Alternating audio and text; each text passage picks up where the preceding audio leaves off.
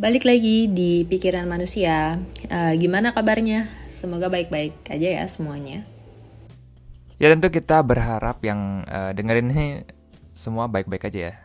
Tapi faktanya tentu di antara yang dengerin ini semua, kayak kayak banyak aja yang dengerin. Pasti ada aja yang nggak baik-baik aja gitu kan. Kita semua pernah mengalami pengalaman buruk yang kita sesali ataupun ingatan yang menghantui kita. Iya, pasti dong. Mungkin kayak sesimpel dulu tuh pernah ditolak mentah-mentah nih ketika nembak orang yang kita suka gitu kan. Uh, terus atau uh, tiba-tiba memori yang itu tuh muncul pas lagi keramas gitu kan, lagi pas lagi gosok-gosok rambut sambil merem gitu kan. Rasanya kan kayak anjir lah. Atau momen yang uh, malu-maluin gitu kayak jatuh di kampus liatin orang rame-rame gitu sering lah yang kayak gitu-gitu momen-momen yang memalukan yang terlintas lagi gitu kan. Tiba-tiba aja keingat gitu dan merasa malu sekarang pun. Ya kan apa ya nyebelin kan ya. Tapi itu baru permasalahan sederhana. Terdapat juga ingatan-ingatan atau memori yang traumatis yang benar-benar kita sampai apa ya susah menjalani kehidupan sehari-hari. Misalnya kayak tentara yang habis pulang perang mereka biasanya kena post traumatic stress disorder atau PTSD. Atau mungkin hal traumatis lainnya lah ya. Ya mungkin apa ya, maaf ya. Ini agak sensitif sih. Misalnya kasus uh, pemerkosaan misalnya. Itu kan juga bisa kena PTSD. Jadi simptom-simptomnya itu mungkin juga kayak jadi flashback gitu kayak mimpi buruk uh, dan anxiety yang berkepanjangan. Uh, kalau gini jelas sih ingatan atau memori seperti ini uh, memperburuk kualitas hidup seseorang pasti gitu kan. Jadi gimana kalau ingatan-ingatan buruk yang kayak gitu tuh dihapus aja gitu, dihilangin aja dari otak kita, dari memori kita. Sekilas kita pasti ngerasa itu langkah yang baik kan untuk meningkatkan kualitas kualitas hidup seseorang gitu. Tapi apakah bener kayak gitu? Nah itu sih yang kita mau selidiki di episode ini tentang dampak dari menghapus ingatan atau memori tertentu. Bukan menghapus semua ingatan ya, tapi khusus sesuatu suatu event atau suatu orang tertentu yang kita mau aja. Nah, supaya lebih mudah mengilustrasikannya, uh, poin yang ingin aku sampaikan, mungkin kalian ada yang pernah nonton film uh, Eternal Sunshine of the Spotless Mind di sini gitu kan. Kalau ada, Pasti kalian tahu bahwa di film tersebut terdapat sebuah perusahaan yang menawarkan jasa menghapus ingatan yang namanya Lakuna. Kalau nggak salah. Kalau nggak salah juga nih di film ini ada dua sepasang kekasih yang berantem dan keduanya itu memutuskan untuk menghapus ingatan mereka tentang satu sama lainnya nih. Kayak aku ngapus kamu, kamu ngapus aku gitu kan. Mereka tuh menggunakan jasa perusahaan Lakuna itu untuk menggunakan teknologi penghapus ingatan pada diri mereka supaya efektif uh, proses ini dilakukan ketika mereka tidur gitu. Jadi mereka nggak sadar kalau ada ingatan yang sedang dihapus gitu. Jadi besok paginya mereka ngejalanin hari tetap seperti biasa gitu. Intinya itu aja kali ya supaya yang tertarik nonton abis ini nggak kena banyak spoiler gitu. Uh, terus permasalahan filosofisnya di mana? Uh, nah ada dua filsuf yang mendiskusikan film Eternal Sunshine ini yakni uh, Christopher Grau dan uh, Matthew Leao. Dan kebetulan si Matthew ini sempat hadir di seminar tentang human enhancement di di Glasgow di kampusku. Jadi aku secara langsung sempatlah dengar pemaparan si Matthew ini untuk apa ya mengenai permasalahan yang muncul jika kita menghapus sesuatu memori pada otak kita. Tapi sebelum ke sana, uh, dampak-dampaknya sebelum kita bahas, kita perlu bahas dulu apakah teknologi semacam ini mungkin ada. Oke, kan kalau di film itu kan teknologi penghapus memori ini pakai kayak helm gitu kan. Uh, tapi kalau di dunia nyata nih kira-kira bakal gimana ya caranya? Tentu sebenarnya teknologi semacam ini belum ada. Setidaknya belum untuk manusia. Tapi teknologi penghapus ingatan ini sudah dicoba di pada tikus. Uh, saintis menemukan bahwa dengan meningkatkan suatu enzim yang ada di otak di syaraf otak manusia, kekuatan otak kita makin bagus dalam mengingat. Sebaliknya, jika kita blok atau hentikan enzim tersebut, akan ada memori yang bisa hilang. Nah, maka dari itu ya, ada juga beberapa riset yang menggunakan apa ya teknik lain uh, yang dapat secara precise tepat itu menargetkan memori tertentu gitu. Ada juga yang kayak gitu. Terus kayak gimana ya? Uh, kalau nggak salah ya kalau nggak salah tikusnya ditaruh labirin kayak gitulah lama-lama pasti udah hafal dong gitu ya tikusnya. Nah dengan teknologi tadi gitu tiba-tiba tikusnya kayak lupa gitu labirinnya. Padahal mereka awalnya udah hafal. Dia kayak bingung lagi untuk kayak pertama kali masuk ke labirin tersebut. Jadi kira-kira teknologinya kayak gitulah. Ya ada tapi masih dalam proses uji coba ke tikus kayak gitu.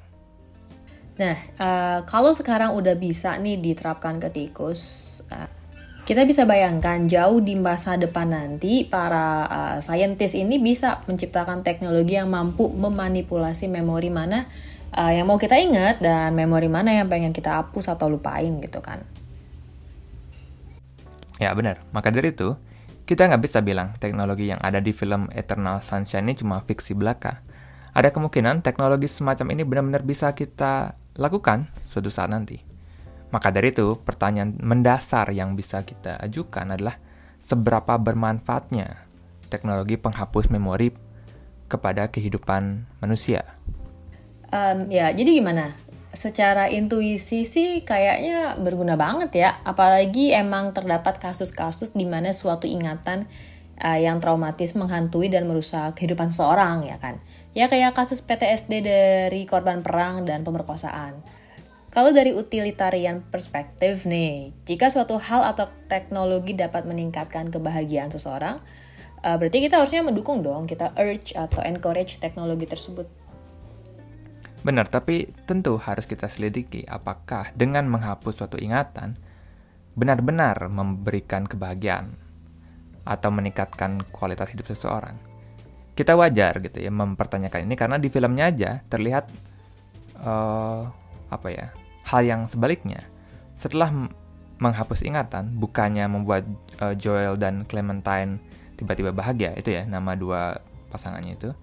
Mereka uh, mereka itu berharap gitu ya setelah menghapus atau melupakan kenangan satu sama lain dapat membuat hidup mereka menjadi lebih bahagia, lebih move on itu. Tapi nyatanya Clementine uh, jadi pemabuk habis itu, terus Joel jadi depresi gitu sampai-sampai pengen bunuh diri gitu kan. Lebih banyak dampak buruknya. Hmm, iya sih ya. Ini tuh nunjukin kalau meskipun kita mencoba untuk menghilangkan suatu memori yang tidak menyenangkan atau memori buruk gitu, bukan berarti itu akan bawa dampak positif dalam jangka waktu yang lama gitu. Si Joel dan Clementine ini sepertinya merasa hampa akan hidup mereka setelah memori mereka dihapus gitu.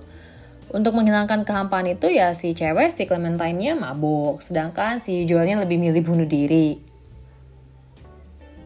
Iya, dan juga tentu orang bisa bilang gitu ya, argue kalau Joel dan Clementine jadi kayak gitu, ya untuk apa ya memenuhi cerita filmnya aja biar biar ada drama aja gitu ya. Ya mungkin kalian benar gitu kan bahwa mungkin memang ada kasus di mana orang-orang benar-benar bisa bahagia setelah memorinya dihapus.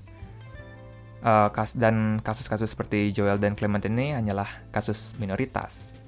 Nggak semua kayak gitu mungkin ada yang bahagia gitu kan tadi.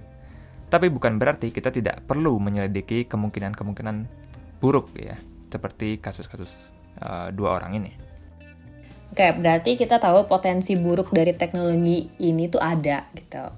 Uh, dan uh, kenapa tuh kira-kira? Nah, pertama kita bisa lihat kritik dari Christopher Grow. Uh, dan kenapa teknologi semacam ini secara filosofis bermasalah. Grow melihat teknologi ini merupakan kebalikan dari experience mesinnya Robert Nozick.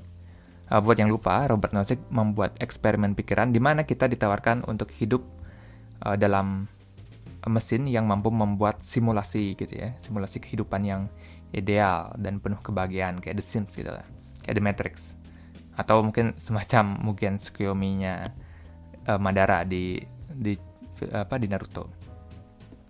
Ilusi yang manis lah intinya. Di mana semua hal yang kamu inginin ada dan terwujud tapi pertanyaan yang diajukan Nozick adalah, apakah kita menerima tawaran tersebut? Uh, Nozick kayaknya yakin banget ya kalau kebanyakan akan menolak tawaran tersebut Karena kita tidak ingin hanya seolah-olah bahagia, yang mana semua itu cuma ilusi. Nozick menekankan pentingnya bahagia sebenar-benar benar-benarnya absolut gitu, bukan hidup dalam kepalsuan atau kebohongan. Tapi kenapa teknologi penghapus ingatan ini disamakan dengan experience machine-nya Robert Nozick? Nah, kalau experience machine-nya kan memanipulasi memori dengan menambahkan memori-memori baru yang palsu kepada manusia, supaya mereka bahagia.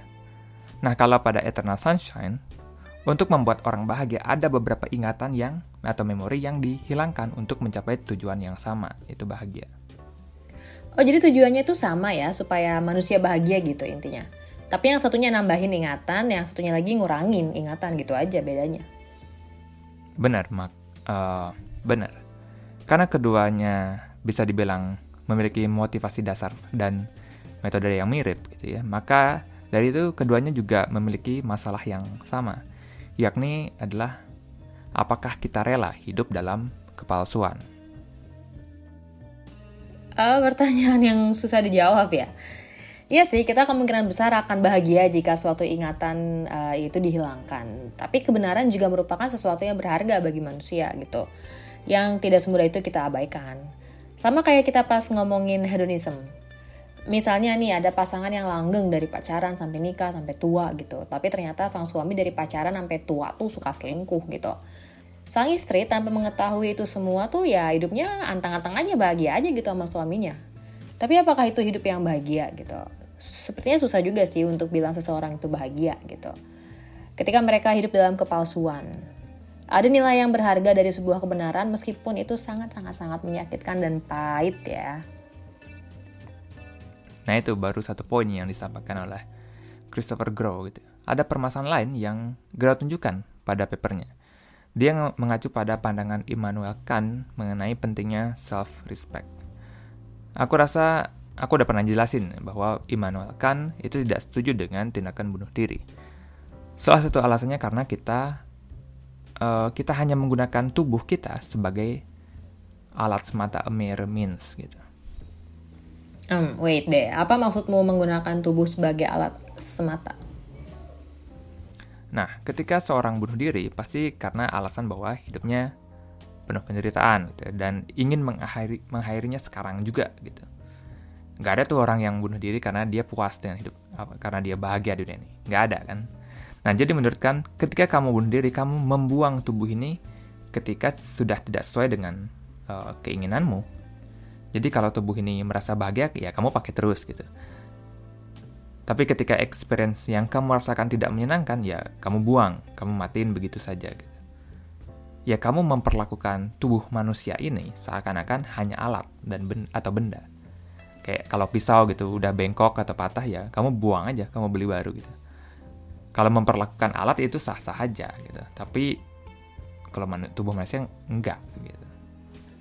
Oh iya ya, bagi Immanuel Kant itu hidup manusia kan bukan sesuatu yang bisa kita taruh harga gitu, it's priceless dan bukan juga sebuah alat atau benda nih yang ketika kamu rasa udah nggak berfungsi dengan baik nih bisa kamu bunuh atau buang kapan aja gitu kan. Kayak sesuka udah lu ya kan. Terus apa hubungannya dengan teknologi penghapus memori tuh? Nah, sama halnya dengan pandangan Kan mengenai bunuh diri, Grau melihat kita nggak bisa membuang memori hanya karena tidak menyenangkan. Memanipulasi ingatan dan hidup dalam kebohongan atau kepalsuan adalah tindakan yang tidak menunjukkan rasa hormat atau respect ke dirimu sendiri gitu ya, diri manusia gitu. Oh, oke. Okay. Berarti uh, poin utamanya Grau itu adalah uh, apakah kita mau hidup dalam kepalsuan? Dan kalaupun kita mau nih, uh, itu berarti kita nggak menghormati dong, nggak respect sendiri sama diri sendiri gitu sebagai manusia. Nah itu sih apa dua permasalahan yang ditunjukkan oleh Grau. Dan terakhir yang aku mau share adalah pandangan dari uh, Matthew Liao yang aku udah sebut tadi, sobat mention di awal. Dia melihat bahwa terdapat permasalahan antara teknologi penghapus memori ya, dengan identitas personal kita, manusia. Nah, untuk dapat memahami ini kita coba perlu bayangin nih, seorang aktivis itu yang sangat aktif dan vokal dalam memperjuangkan uh, hak-hak gitu wanita gitu ya memperjuangkan undang-undang pelecehan wanita dan lain-lain. Uh, dia sangat ingin gitu ya wanita bisa berada aman di public space tanpa khawatir untuk dilecehkan atau hal-hal buruk lainnya. Dia menjadi seperti ini karena dia sempat mengalami pengalaman yang sangat buruk dan traumatis di di ruang publik. Dan dia tidak ingin wanita-wanita lain merasakan hal yang sama. Nah, sekarang anggaplah sang aktivis ini tertarik gitu untuk menggunakan teknologi penghapus memori ini untuk menghilangkan traumanya. Kira-kira apa? Ada permasalahan lain nggak yang muncul? Hmm, oh, gimana ya? Gimana ya? Uh, kelihatannya nih memori yang traumatis itu yang dia dilecehkan itu adalah bagian dari identitasnya sang aktivis sang aktivis nggak sih kalau kita hilangkan memori itu nih bukannya itu mengubah identitasnya sendiri ya? Hmm, kalau uh, memori tadi tiba-tiba hilang gitu mungkin dia bingung lah ngapain dah? Gue memperjuangkan hak-hak wanita untuk merasa aman gitu. Bukan berarti dia tiba-tiba merasa itu nggak penting. Tentu itu secara objektif selalu penting ya. Tapi dia kan bakal bingung asal motivasinya dari mana gitu. Ya gak sih? Nah itu permasalahannya. Apalagi aku udah beberapa kali bahas tentang uh, apa itu diri gitu kan what itself. Dan seperti yang David Hume bilang bahwa diri hanyalah kumpulan dari impresi gitu, kumpulan dari apa pun yang pernah kamu alami selama hidup. Jika ada bagian penting yang hilang mungkin apa ya kamu sudah tidak jadi dirimu sendiri yang kamu tahu gitu sebelum itu sebelum sebelum memori itu hilang. Ya kalau yang kamu lupain gitu kayak lupa PR gitu kan itu bukan hal krusial untuk identitasmu. Tapi kalau memori tentang namamu siapa keluargamu siapa rumahmu di mana itu kan bahaya dalam untuk apa pada personal identitimu iya sih ya. Kayak orang tua yang udah kena Alzheimer aja gitu. Mungkin cangkang manusianya itu kamu kenal, tapi dia udah nggak mengenali dirinya siapa. Ini nunjukin kalau apa yang kita sebut sebagai diri itu bukan sekedar badan atau juga memiliki pikiran gitu. Tapi memori itu sangat berperan atau berperan besar untuk membentuk diri yang kita kenal gitu. Jadi diri itu ya sebenarnya sambungan ingatan dari kecil sampai sekarang nih gitu. Ada ingatan-ingatan yang terhubung kayak rantai lah dan membentuk diri gitu. Benar, itulah kemungkinan bahaya dari teknologi semacam ini. Selain itu, gimana kalau yang mau menghapus itu bukan korban misalnya, tapi pelaku kriminal? Anggaplah setelah melakukan pembunuhan sekarang udah jadi manusia yang benar, udah tobat. Dan dia benci akan dirinya di masa lalu. Dia sendiri pun tersiksa akan ingatan dirinya sebagai seorang pembunuh. Kita bolehin nggak gitu kira-kira untuk uh, pelaku gitu ya mantan kriminal untuk mengakses teknologi penghapus ingatan ini? Gimana ya, secara intuisi kita merasa ada yang nggak beres nggak sih? Uh, bahwa jika dia mantan kriminal, ya dia seharusnya tahu atau ingat apa yang dia udah perbuat dong, nggak nggak adil aja gitu kan tiba-tiba lupa. Entah kenapa aku merasa nggak terima aja gitu kalau dia lupa apa yang pernah dia perbuat dan iya hidup, hidup aja santai di masyarakat gitu balik lagi ke masyarakat.